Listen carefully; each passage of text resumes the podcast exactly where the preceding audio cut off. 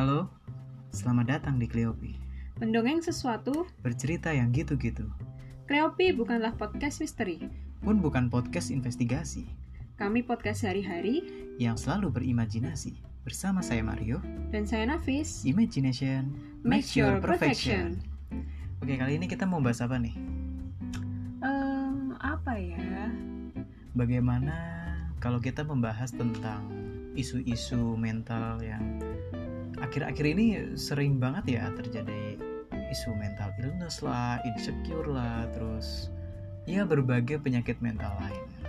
Eh, itu enggak akhir-akhir ini sih, sebenarnya sudah dari dulu semenjak sosmed diciptakan. Eh, ya nggak sih? iya sih, sebenarnya sebenarnya ya mungkin mental illness ini juga dialami oleh orang-orang pada zaman Majapahit sebenarnya. Mungkin dulu Hayam Buruk, Ken Arok, atau mungkin Mah- Mahabharata Gajah Mada juga pernah merasakan mental illness mungkin. Iya, mungkin. Ya, bisa mungkin jadi. ya bisa jadi cuma kan mereka eh, bisa mengatasi mental illness itu Betul. dan mereka lebih bisa mengendalikan rasa insecure mereka Contohnya gimana tuh mengendalikan rasa insecure? ya contohnya begini contohnya misalnya eh, pada zaman dulu orang-orang kalau jatuh cinta nggak kayak zaman sekarang kan? Orang kalau jatuh cinta bisa stalking. Mm-mm. setelah itu bisa ngechat by DM Iya, atau mudah banget gitu nggak ya sih? mudah banget. Sedangkan orang zaman dulu kan nggak bisa. Sayembara. sayembara kan? Nah di sayembara itu kan kita bersaing bener-bener bersaing nyata. Beda kalau zaman sekarang zaman sekarang kita cuma misalkan kita aku suka sama ada ada seseorang yang aku suka ini. Aku stalking instagramnya. Setelah itu aku ngelihat ada cowok yang lagi sama dia. Di situ aku langsung insecure. Sedangkan orang zaman dulu itu sayembara loh. Sayembara. Malah Dan- ini ya malah Heeh. gimana caranya biar eh, dia mau sama aku gitu kan. Iya, berarti kan pakai usaha Ya, gitu itu. loh. Dan persaingannya itu sangat ketat. Kita sekarang bersaing dengan satu orang aja itu udah susahnya bukan kayak main itu. ya ya tapi kan bukan berarti misal mau mengikuti zaman dulu dengan maksudnya ya kayak gitu ya istilahnya sayembara tapi kan ya jangan merusak hubungan orang lain juga Iya. maksudnya eh, jangan insecure maksudnya gini loh biar karena eh gimana ya Ya mungkin itu ya karena karena kan gini, ibaratnya tuh gini. Dulu tuh sayembara. Berarti pasti ada orang yang insecure kan? Mm-mm. Karena dia mungkin merasa kalah. Dia sudah jatuh cinta tapi ternyata kalah oleh sayembara. Oleh cowok-cowok lain yang lebih ya gimana jadi kuat dibandingkan dia. malah jadi melatih dirinya lagi nggak Mm-mm. nah itu maksudku astaga jadi itu maksudku jadi kayak eh, untuk mengatasi rasa insecure itu kamu bisa memperbaiki diri sendiri untuk menjadi yang lebih unggul gitu ya nggak sih Iya. Tapi kenapa sekarang orang-orang tuh menjadi lebih sulit untuk mengendalikan rasa insecure, untuk mengendalikan mental illness? Padahal permasalahan tentang mental illness dan insecure ini menurutku nggak cuma masa sekarang, tapi masa zaman dulu Dan mungkin karena lemahnya itu karena sosial media. kok bisa tuh Karena sekarang tuh orang-orang mulai terobsesi dengan sosial media. Jadi dari sosial media mereka itu mengabaikan kehidupan nyata. Mereka mengabaikan kekuatan-kekuatan nyata di kehidupan nyatanya. Seperti misalkan kalau sayembara, misalkan aku kalah kuat sama cowok lain, aku bisa melatih fisikku sehingga menjadi lebih kuat. Tapi kalau di sosial media semuanya kan bentuknya pencitraan. nah itu Semuanya kan by cover. Mm-mm.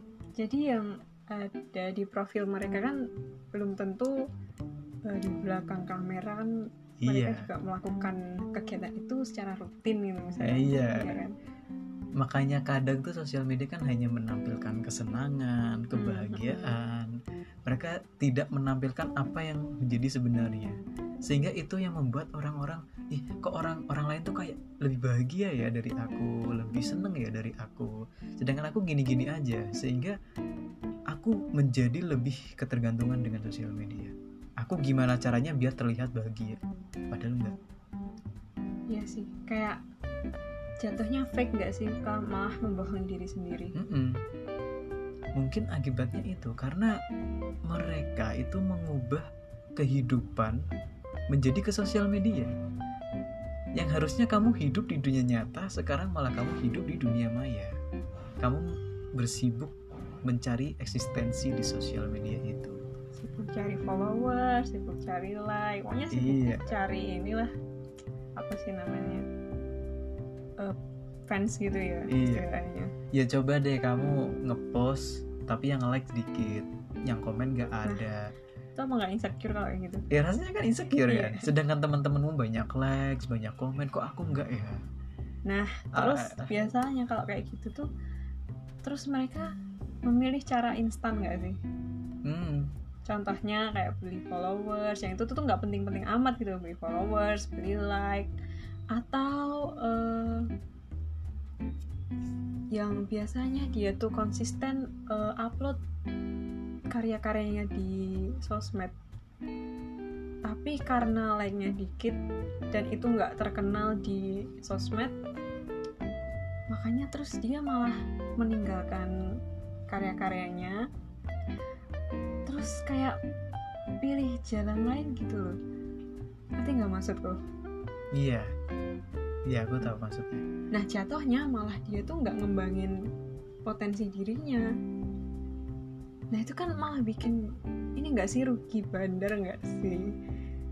Iya sih. Iya sih. Seharusnya tuh ya sosial media itu kan sebagai etalase kita sebenarnya. Sebagai ajang unjuk bakat dari kita.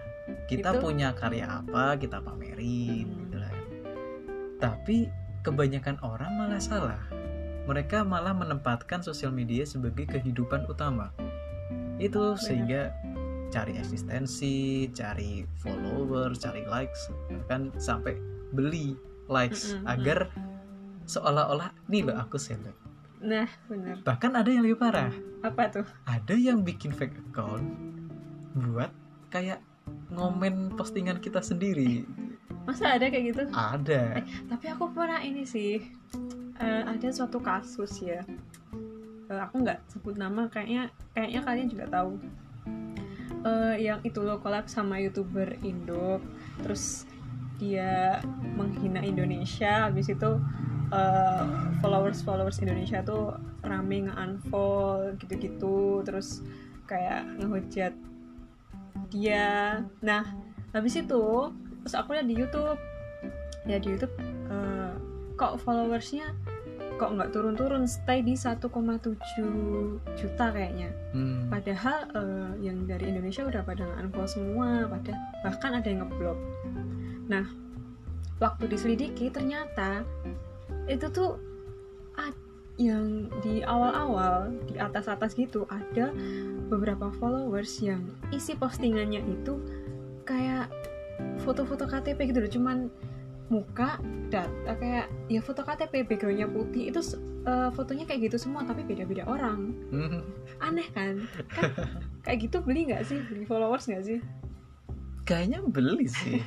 Ya kemungkinan kan beli kan. So- soalnya Ya, ada kan- keanehan di situ.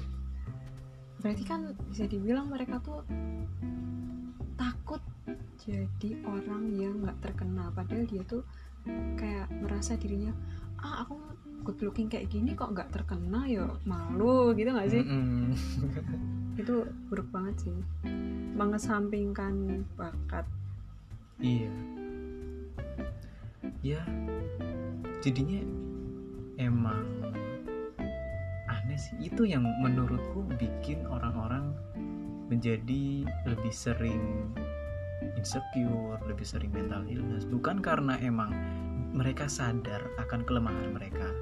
Tapi karena mereka menempatkan diri mereka ke tempat yang salah. Mm-mm. Bener. ya padahal biasanya yang cara-cara instan itu malah nggak awet loh. Ya nggak sih? Iya, Ya, kayak dong. itu yang kasus collab youtuber itu yang aku ceritain tadi kan. Itu instan. Dari followers followersnya berapa sih? Nggak nyampe 2000 Hmm. tiba-tiba langsung melonjak 2 juta. Melonjak 2 juta habis itu eh, dia sombong dia sombong. Eh, aku tuh udah terkenal itu nggak cuman dari Indonesia aja udah dari negaraku juga gini gini gini gini. Pokoknya sama inilah kayak dia tuh bilang kalau nggak butuh followers Indonesia. Nah dari situ kan karena instan kan. Terus dia juga nggak menghargai eh, fans-fansnya. Langsung lah anjlok. Sekarang tinggal satu juta karena kan biasanya yang instan itu bukan karena eh, pengaruh mereka bukan karena bakat mereka nggak sih Iya. kecuali kalau mereka terkenal karena mereka tuh punya pengaruh di lingkungan atau mereka punya karya tertentu apalah kayak tukang cover lagu atau pelukis atau apa gitu kan malah mereka tuh followersnya tambah naik nggak sih Iya. Gak bakal turun kan Iya sih. Heran aku. Karena ada bakat nyata, ada Hmm, karya hmm. nyata. nah kalau misal nih eh apa namanya secara instan terus enggak apa namanya eh, kan otomatis dia tuh postingannya monoton gitu-gitu aja kan Mm-mm. karena Ya Yang- karena bingung, karena karena, bingung. orang-orang gitu. menyukai dia tuh karena biasanya karena fisik atau karena ya itu ya instan diajak collab youtuber atau apa gitu loh Hmm. terkenal lewat apa biasanya karena fisik biasanya kalau yang instan itu Lalu setelah itu bingung gimana bingung cara gimana mempertahankan. mempertahankan. nah itu bingung cara mempertahankan dan ya itu kan karena postingannya monoton terus jadinya kan followersnya bosan Iya. aduh aku tiap hari lihat postingan gini terus kok dia juga nggak ngapa-ngapain gitu kan kayak ngapain juga aku follow gitu kan terus langsung di unfollow kan gitu juga bisa Iya sih. Dan tanpa sadar orang-orang eh, bukan orang ya, seleb, Mm. seleb seleb dadakan yang seperti itu tuh malah tidak mempedulikan kehidupan nyatanya. Terus dia terbelenggu, terikat oleh kehidupan di sosial media. Karena untuk mempertahankan followersnya, yang sebenarnya itu tidak ng- ngasih benefit buat Iya sih. dia. Iya. Itu cuma kesenangan yang fana. Seolah-olah kamu tuh terkenal kamu banyak orang yang mengenal kamu banyak orang yang menggemarimu padahal kamu kalau ke Alfamart juga gak ada yang kenal. Gak ada yang kenal kan? Gak ada yang kenal. Kamu mau minta tolong ke kasir juga kasir juga nggak akan kenal Nggak anda bahwa wah ada seleb nggak? Nggak bakal kecuali kamu punya karya nyata nah, gitu loh. atau punya pengaruh di lingkungan atau Iya. apa? Influencer gitu lah. Influencer. Tapi kalau cuma ya itu beli Instan, beli. instan atau kecipratan dari ya, collab, collab-collab yang lain. Kan karena jadinya gitu. Contohnya ini sih artis-artis TikTok yang viralnya tuh cuman alah cuman satu video. Nggak Karena satu nggak video sampai doang. nggak sampai nggak sampai satu tahun. Ya nggak sih? Nggak Iya. sampai satu tahun terus iya sih ada sih udah ada lupa sih. lagi. Ada sih. Dilupakan. Banyak banget. Mm-mm. dan setelah mereka terkenal mereka kan merasa high ya. Rasa Wah, high sombong oh, sombong, aku pasti jadi sombong. Seleb TikTok nih. Aku jadi seleb TikTok nih. Nah pada saat followers followersnya pada bosan mereka jadinya tanpa sadar terikat oleh sosial media oleh TikTok. Jadinya ih kok followersku kok pada mundur sih? Kok pada Hmm. hilang sih? Nggak bisa gini dong Iya. bisa gini. Aku kan artis nih aku kan Nah. seleb masa turun nih? Nah sehingga mereka malah sibuk untuk tidak menjadi diri mereka sendiri. Itu sih kalau bahayanya sosmed kalau tidak dipergunakan dengan baik. Jadi meracuni diri sendiri. Meracuni diri sendiri ya. Jadi sosmed tuh bisa jadi madu tapi juga bisa jadi racun gak sih itu benar-benar bikin gak sehat loh ya. Mm. dan ini loh aku tuh kadang tuh lihat eh, ya bisa dikatakan selebgram ya walaupun followersnya tuh nggak nyampe 100k 200k nggak nggak nyampe yang 100 100 gitu lah Em, banyak eh, selebgram yang followersnya itu di bawah 100k tapi itunya tuh apa ya? Secara instan gitu loh. Mereka terkenal secara instan.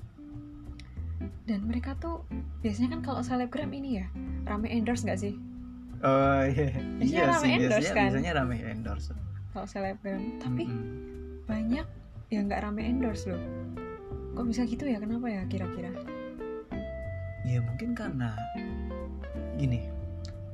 Eh, kalau kamu jadi seleb atau katakanlah jadi artis ya itu kan berarti kamu sama saja terjun ke dunia entertainment Mm-mm. Nah, di dalam dunia entertainment, entah kamu menjadi model, entah kamu menjadi apa pun itu, kamu harus bisa mempromosikan sesuatu.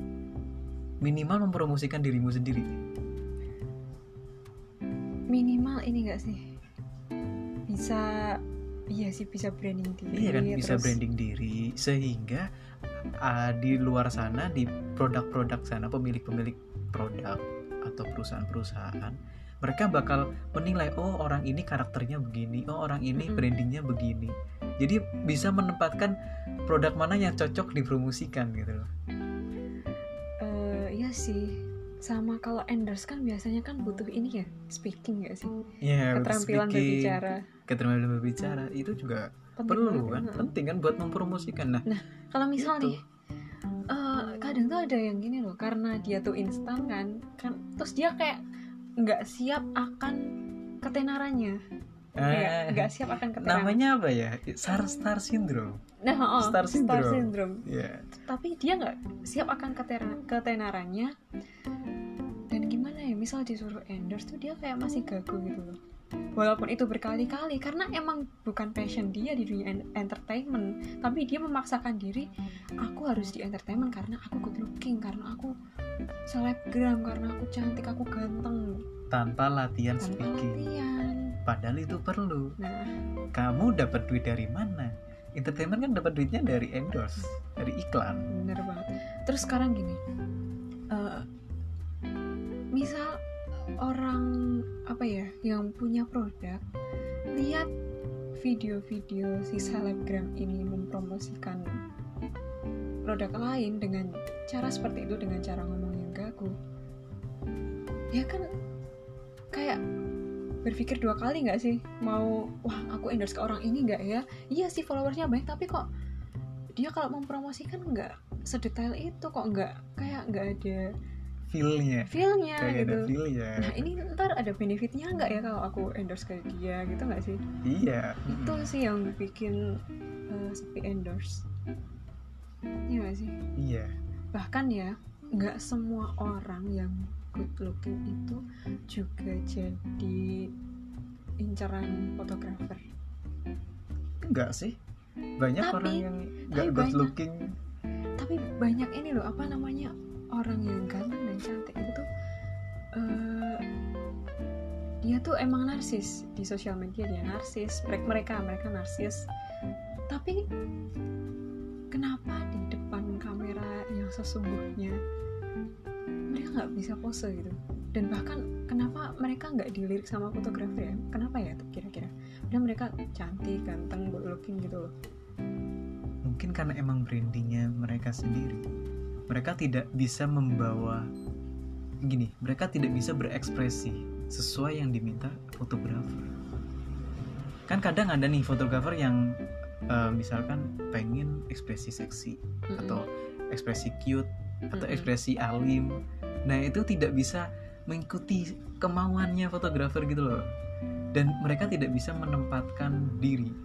Misal aku foto di pasar sama foto di candi itu kan beda ekspresinya. iya Kamu kayak foto seolah-olah kamu sedang berjalan di pasar sama kamu seolah-olah berjalan di candi atau di suatu lapangan atau di suatu kebun itu kan beda ekspresinya. Nah, kadang ada orang yang tidak bisa berekspresi seperti itu, tidak siap untuk menjadi seperti itu karena tidak latihan. Gitu. berarti ini ya lebih baik terkenal karena karyanya Iya, daripada terkenal secara instan iya. Karena kalau secara instan itu jadinya racun. Buatlah rajin. sosial mediamu menjadi sebuah madu. sip Sip. iya dong. Untuk membuat madu itu emang susah. Iya kan? ibaratnya lebah bikin madu kan juga susah harus nyari-nyari nektar di berbagai banyak bunga Mm-mm. baru jadi madu sedangkan untuk membuat racun itu mudah. Ya nggak? iya sih. So easy membuat racun tuh. Nah kok kok bisa easy?